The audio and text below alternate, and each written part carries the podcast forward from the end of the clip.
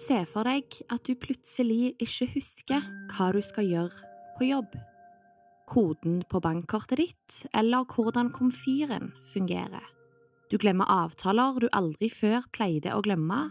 Du glemmer hva du gjorde i går, og hva du skal i dag. Jeg tror at jeg ble klar over at det var noe som ikke var helt som det skulle lenger oppi hodet mitt. I dag lever rundt 80 000 mennesker med demens i Norge.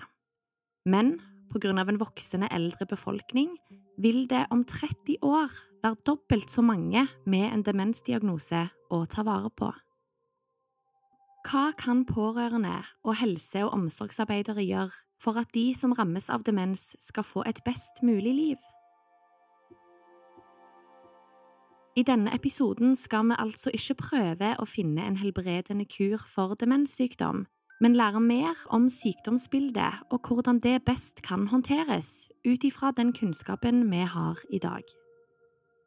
Så det er jo stadig jakt etter å finne en eller annen type behandling som gjør at ikke kanskje at du blir frisk, men at du på en måte arresterer, stopper utviklingen eller forsinker utviklingen, slik at du kan leve et noenlunde ok liv også om du har en demenssykdom.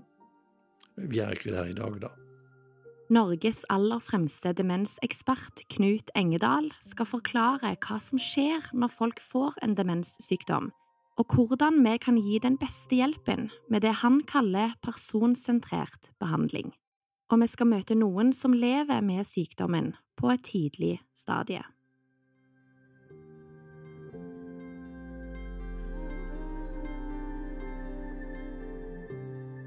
Sånn at når vi skulle kjøre og hente deg på toget i dag, og det var en halv times biltur, da spurte hun minst fem ganger hvor vi skulle. Ikke fordi hun ville glemme deg, eller hadde glemt deg, men slik virker det, og det kan noen ganger bli ganske slitsomt å følge opp. Der ligger mulige fallgruver som jeg går i noen ganger. For Kristin, når hun spør, så er det ikke for å mase. Det er for å få vite. For samboerparet Kristin og Arne i Son utenfor Moss er demenssykdommen blitt en del av dagliglivet. Kristin har sykdommen Alzheimers, men er relativt tidlig i demensfasen, selv om det nå er over syv år siden hun begynte å merke tendensene. Jeg heter eh, Kristin. Jeg er 74 eh, år. Jeg har Alzheimer. Jeg lever godt med det. Håper jeg skal leve en del år til, jeg. Og Arne, han er min samboer og støttespiller, og den som kommer til å hjelpe meg til alt dette. Jeg heter Arne, er 75 år og er relativt frisk. Oppegående, noenlunde klartenkende og veldig glad i Kristin. Kristin var 67 år og i full jobb på sentralskattekontoret for storbedrifter da hun begynte å merke at noe var galt. Så når jeg eh, en dag begynte å føle at eh, nå var jeg så sliten, så syntes jeg det var ganske skummelt. Dagene gikk, og månedene gikk, og mer og mer sliten ble jeg. Og så kom den dagen hvor jeg sa til Arne at vet du, jeg vil gi meg mens jeg er på topp. Og det var ikke bare Kristin selv som merka en endring. Som person som av og til hentet Kristin på kontoret, så var mitt første reaksjon gule lapper. Og etter hvert så økte antallet gule lapper, ikke bare i antall, men også rundt omkring i, på kontoret hennes. Og da fikk vi noen samtaler om hvorfor disse gule lappene? Du har jo alltid husket. Og da kom ordet huske inn. Husket hva du skulle gjøre. Både på kort og lang sikt. Så det ble også et tegn for oss for at Kristin gikk til fastlegen sin. Kristin gikk først inn i ett års sykemelding, og brukte tiden til å tenke, til å snakke med fastlegen og på jevnlige turer til hukommelsesklinikken på Ullevål, hvor hun og Arne fortsatt går. Da dette året var over, var det klart for Kristin at jobb var et avslutta kapittel. Jeg tenkte, tror jeg, litt sånn at jeg kan jo ikke gå på jobben og gjøre en tredjedel av det jeg har pleid å gjøre. For en full lønning som var veldig god, det kan man ikke. Det, var, det, det gjør man bare ikke. Jeg tror jeg hadde noen sånne greier oppi hodet. Flink pike-syndromet, vet du. Etter et par år med x antall blodprøver, fotografering av hjernen, samtaler på hukommelsessenteret og andre kognitive tester, fikk Kristin beskjed om at hun hadde Alzheimers. Det å få diagnosen opplevde de som en lettelse. De gikk begge inn i en pensjonisttilværelse, og sammen har de valgt å møte sykdommen med optimisme og pågangsmot. Han er jo som skapt for en sånn kone, for å si det sånn. For han, han eh, er veldig tålmodig. Men som jeg har sagt til han, at det må være lov for deg også, for jeg er ikke dummere altså, Jeg er ikke blitt dum i hodet. At han sier 'vet du hva, dette her syns jeg er rett, Jeg tror jeg tar meg en runde. Og det hender han tar seg en runde, og jeg spør han ikke alltid hvorfor. det er en sykkeltur. Det er noe jeg har ført inn i inn for meg selv. Jeg trenger en utlufting. Jeg kan bli lei meg, og jeg kan begynne å gråte. Og da sier jeg noen ganger til Kristin, men ikke alltid, at nå, nå, føler jeg meg veldig lei meg. Nå er jeg trist. Det kjenner jeg, og det gjør vondt. Og så er det om å gjøre å håndtere det. Og da kan vi gjøre det sammen. Det gjør vi veldig ofte. Eh, det er både en fordel og en ulempe da i forhold til Kristin, for etter to timer så husker hun ikke noen ting av hva jeg har sagt. Så jeg må passe på å ikke bruke det i forholdet, men å være ærlig. Jeg er lege, spesialist i psykiatri, og har vært professor i geriatrisk medisin. Dvs. Si det er læren om sykdommer til gamle mennesker. Professor Knut Engedal er en pioner innenfor demensforskning i Norge. I over 30 år har han jobba med og forska på demensfeltet, og han gjør det fremdeles. Og det er god grunn for at Helse-Norge må ha fokus på behandling av mennesker som har demens. For vi blir bare flere som lever lengre. La oss si om 30 år så finnes det dobbelt så mange 160 000-170 000 personer med demens. Og dette vil skje i hele Europa Eh, I Asia vil en se en tredobling. I Sør-Amerika vil du se en firedobling. Pga. bedre levevilkår og flere mennesker blir gamle. Så, så, dette er, som Verdens helseorganisasjon tok denne utfordringen i 2017, for tre år siden, og sa at dette er kanskje den aller største folkehelseutfordringen vi har de neste 30 årene.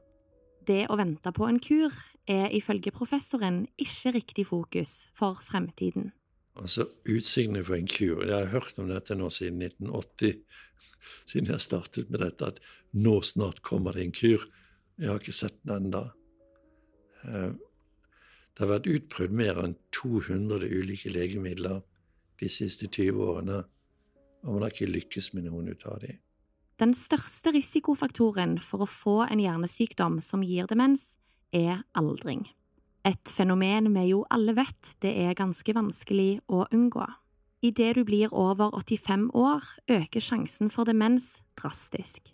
Demens i seg selv er faktisk ikke én sykdom, men en konsekvens av mange ulike hjernesykdommer. Et eksempel, som er den vanligste årsaken, er Alzheimers sykdom.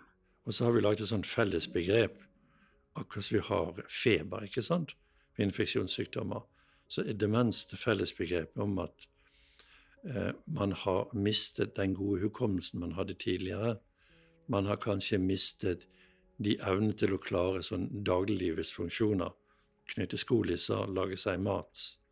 Eh, som man kunne før, men nå kan man det ikke lenger. Og det er det på en måte det som er innbefattet i demensbegrepet. Altså ting som hjernen styrer, som enten er av intellektuell karakter, det vi lærer oss, klarer å lære oss, eller det overlærte tingene, det som vi gjør tusen ganger, ikke sant? Sykle, gå på ski, knytte skolisser, spise med kniv og skje, etc. Dette går suksessivt tapt av at hjernen er ødelagt av en sykdom. Jeg glemmer hva vi snakket om for de siste minuttene siden. Mer enn jeg glemmer hva jeg gjorde i går. Sånn har det i hvert fall vært til nå. Men så har jeg gjort en liten observasjon i det siste. Og det er at jeg faktisk også nå har begynt å glemme litt mer bakfra. Eh, ikke fra jeg vokste opp eller familien min hjemme med to brødre og mor og far og Det er der i, detaljer. Men så kommer vi til, til nåtid. Og da er det verre sånn Hva gjorde vi i går? Når var vi på den turen? Og så videre. Så det, er, det foregår noen endringer som eh, jeg nok ikke har tenkt nok igjennom. ja. Som hos Kristin er det i de fleste tilfeller disse små tingene her og nå det starter med. Du husker ikke lenger hva du gjorde eller sa for få minutter siden. Etter hvert får det i tillegg konsekvenser for konsentrasjonsevnen. Parallelt med dette så ser vi også at man mister oppmerksomheten. Det er vanskelig å konsentrere seg, spesielt om det skjer to eller tre ting samtidig. Typisk er å kjøre bil og komme til en sånn eh, høyresving eller venstresving eller eh, en rondell, da. Det blir problematisk å tenke hvordan skal jeg gjøre dette her. Så er det litt ulikt. Hos noen personer så ser vi at de begynner å miste ordene. Det gjelder ikke alle, men de mister på en måte substantivene. Det er, en, det er sånn du vet. Jeg er så tørst, og da skal jeg bruke en sånn, sånn der og drikke av. Eh, å ja, du mener en kopp. Ja, jeg mener en kopp. Man mister ordet. Og så er det andre da som, som ganske tidlig mister evnen til å gjøre praktiske gjøremål, fordi de skjønner ikke opp ned av ting, bak frem. Eh, slik at hun viser da en eh, kåpe opp ned, så skjønner ikke det er en kåpe.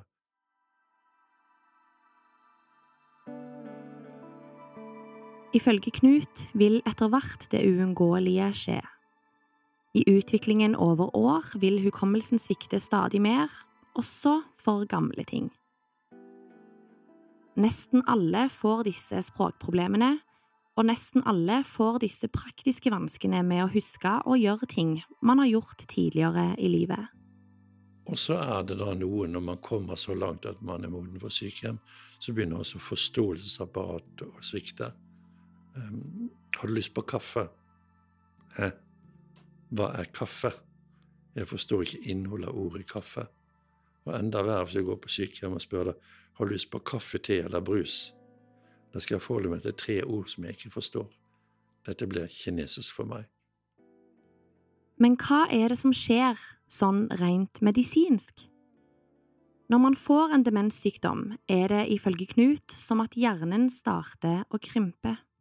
Ved Alzheimers, som er den mest vanlige sykdommen, blir den bitte lille delen av hjernen som driver med korttidshukommelse, angrepet av giftige proteiner.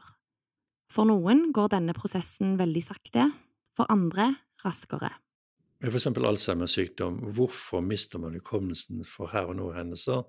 Jo, det er fordi de første forandringene i hjernen de skjer i et område like innenfor ørene våre, i et område som heter sjøhesten utgjør bare en halv prosent av hele hjernen, men likevel der sitter et senter som ansvarlig for at vi skal kunne huske ting, sammen med andre sentre. Alzheimers er altså den vanligste hjernesykdommen som forårsaker demens.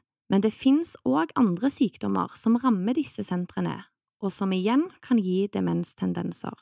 Altså alle som har Alzheimers sykdom, får demens. En tredjepart av de som får hjerneslag, får demens. To tredjedeler får det ikke.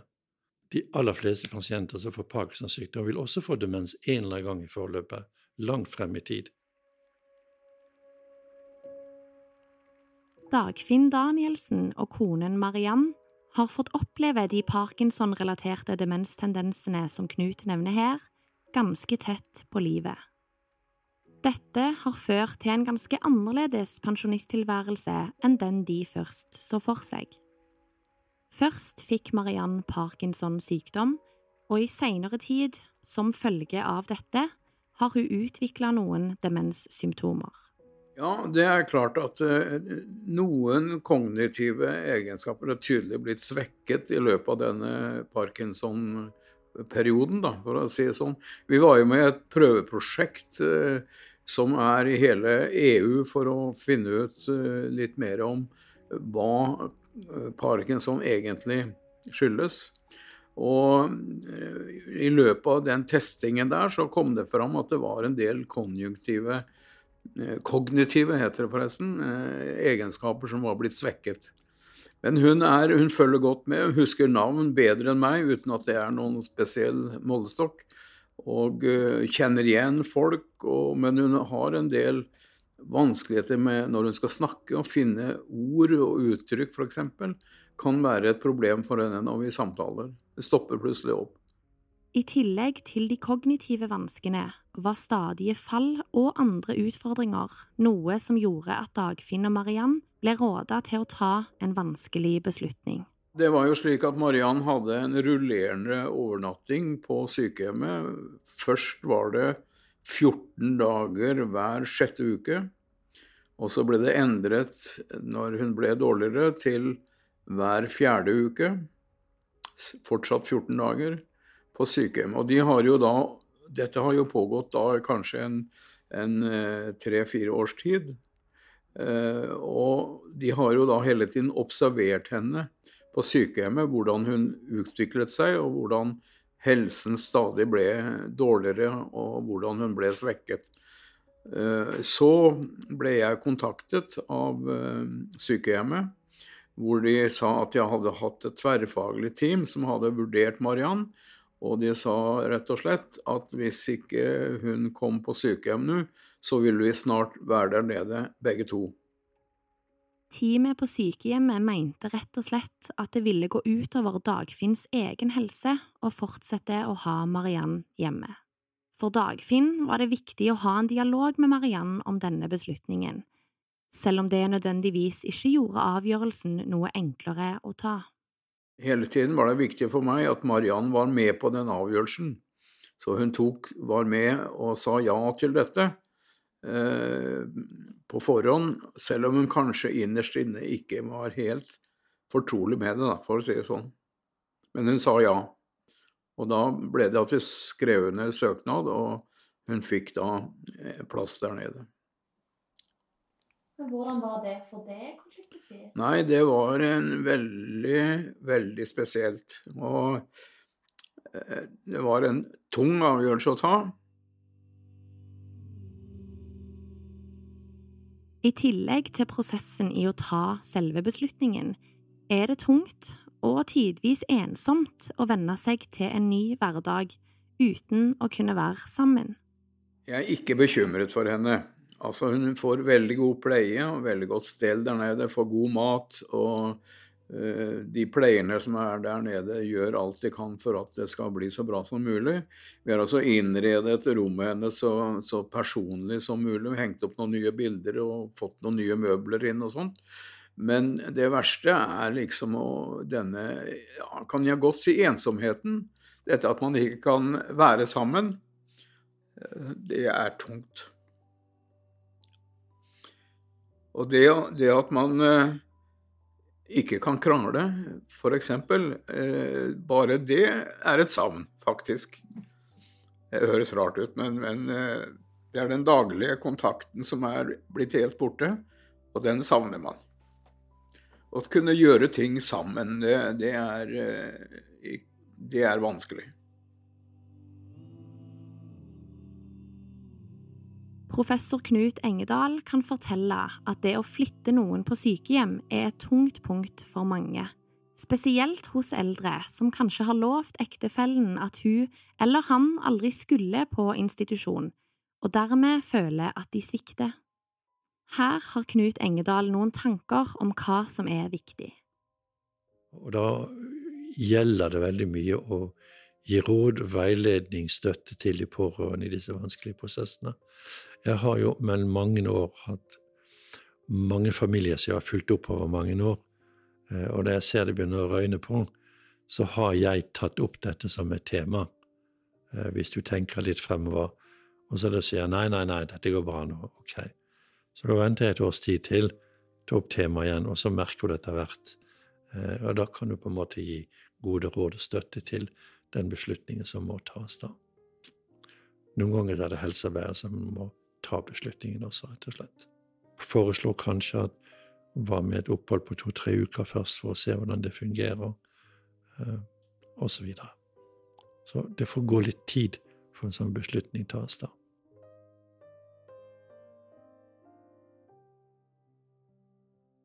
Felles for alle demenssykdommene er at både prognoser og utvikling er vanskelig å forutse. Og det gjelder med alle som har demenssykdom. Det er helt umulig å si på forhånd hvor lang tid det ville gå før man er totalt hjelpeløs.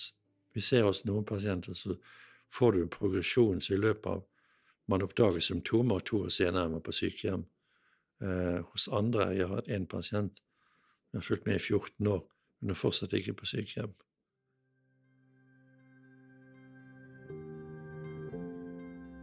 Jeg, jeg, har ikke Jeg tror ikke jeg har så veldig gode gener på å bli hysterisk eller eh, noe sånt. Og jeg fant ut at eh, jeg måtte gjøre det beste ut av det. Og, og med han ved min side så, så, var ikke det veldig vanskelig, altså. Dette skal vi klare sammen, sa han. Så vi vet at det trolig tar lang tid før det kommer en kur hvis det i det hele tatt kommer en. Men det tar ikke så lang tid før vi har veldig mange flere eldre som vil trenge hjelp på grunn av en demenssykdom.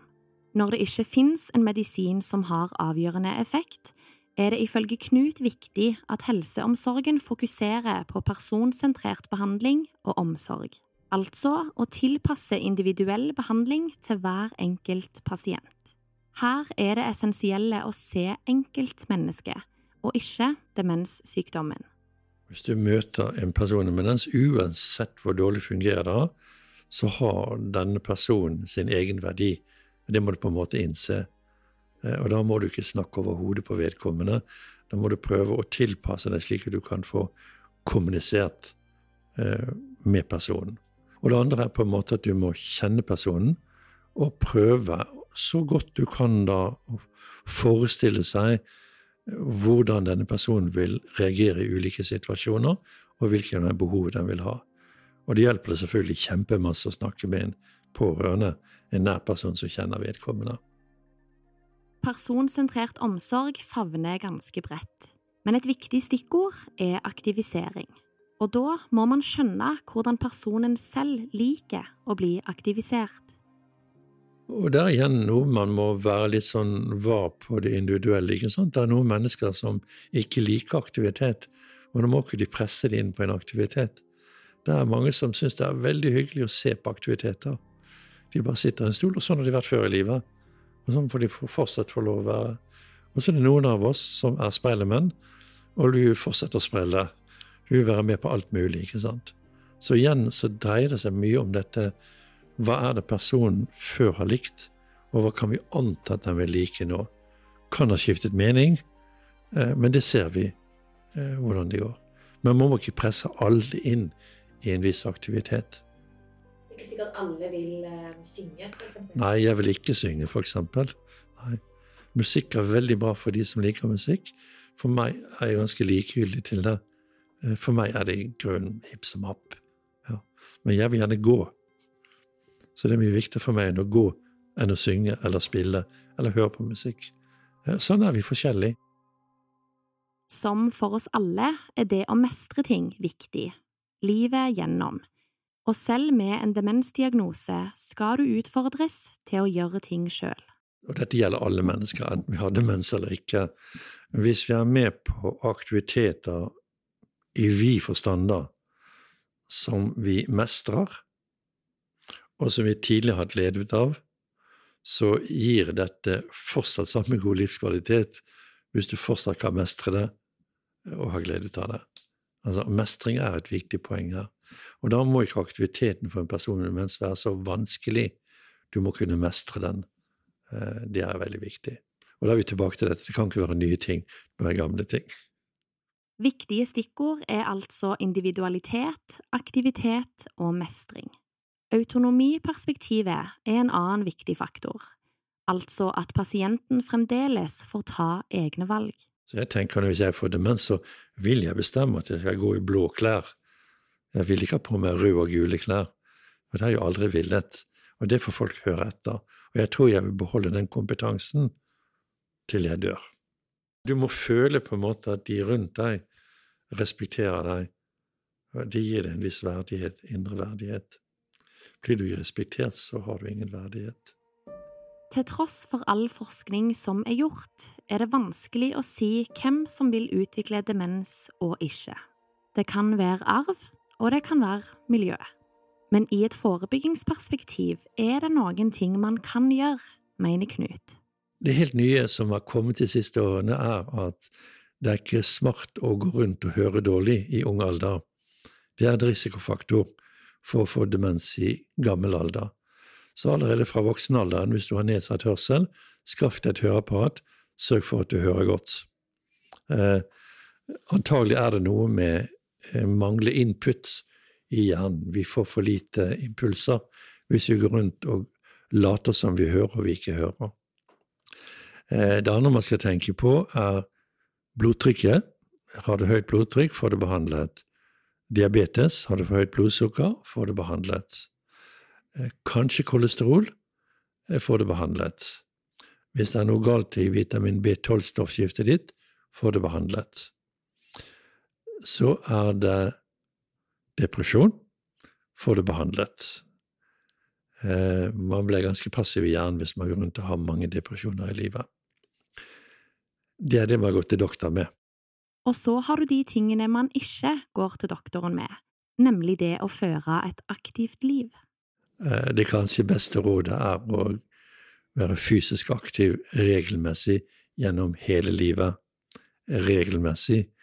Ikke sånn å gå på sats fra jul til påske og så slutte. Du trenger ikke å gå på sats.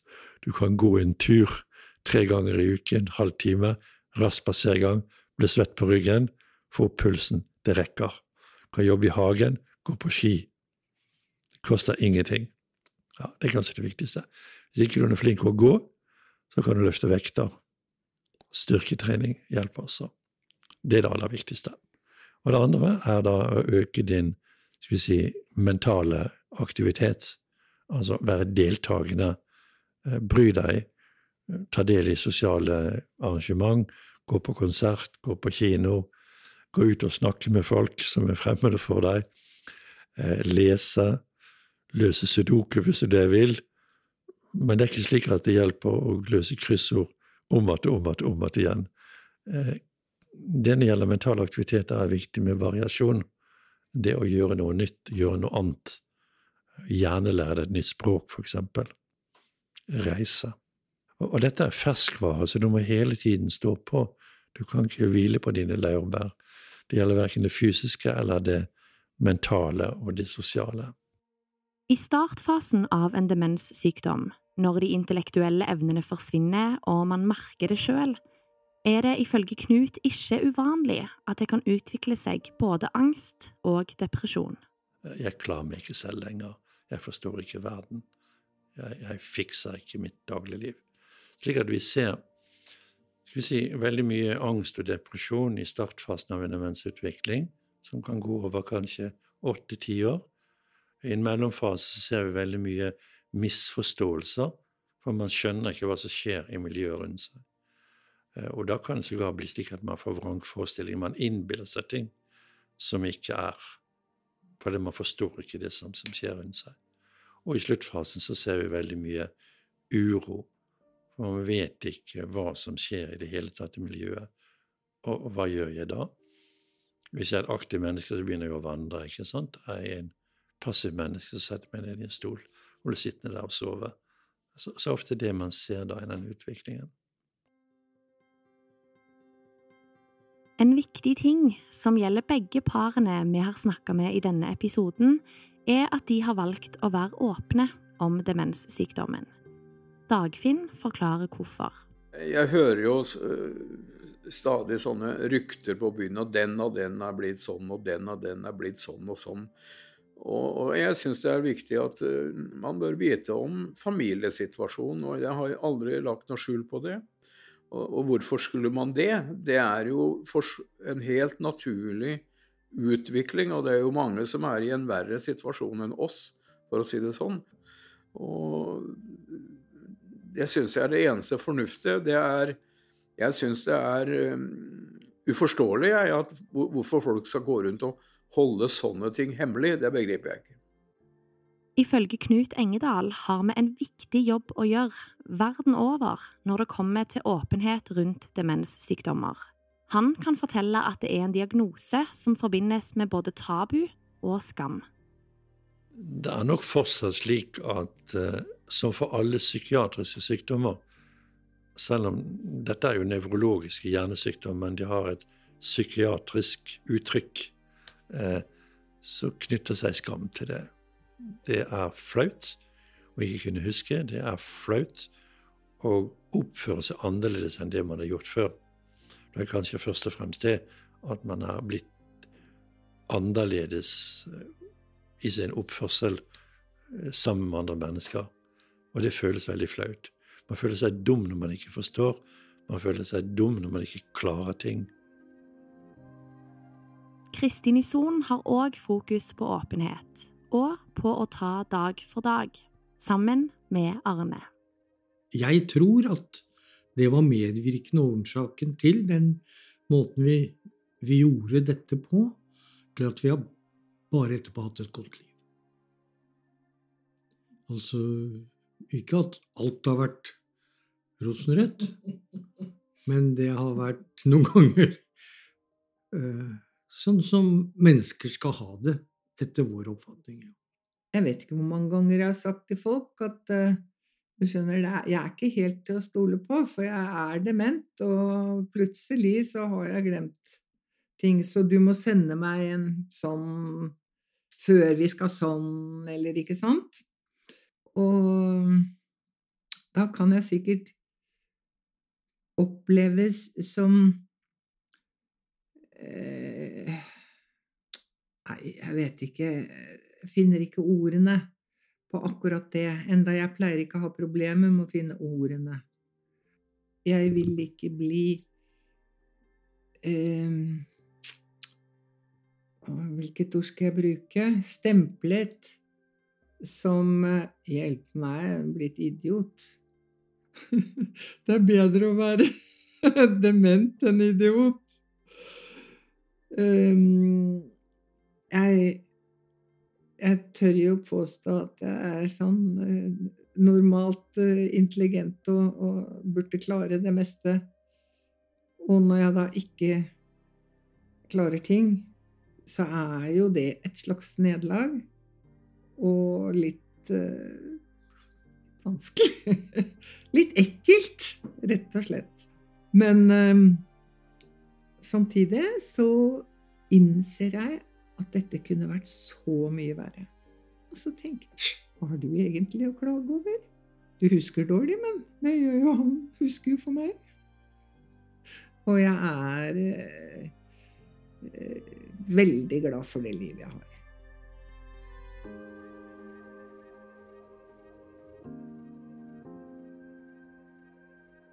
Du har hørt en podkast fra Nasjonal kompetansetjeneste for aldring og helse i samarbeid med Rådet for psykisk helse.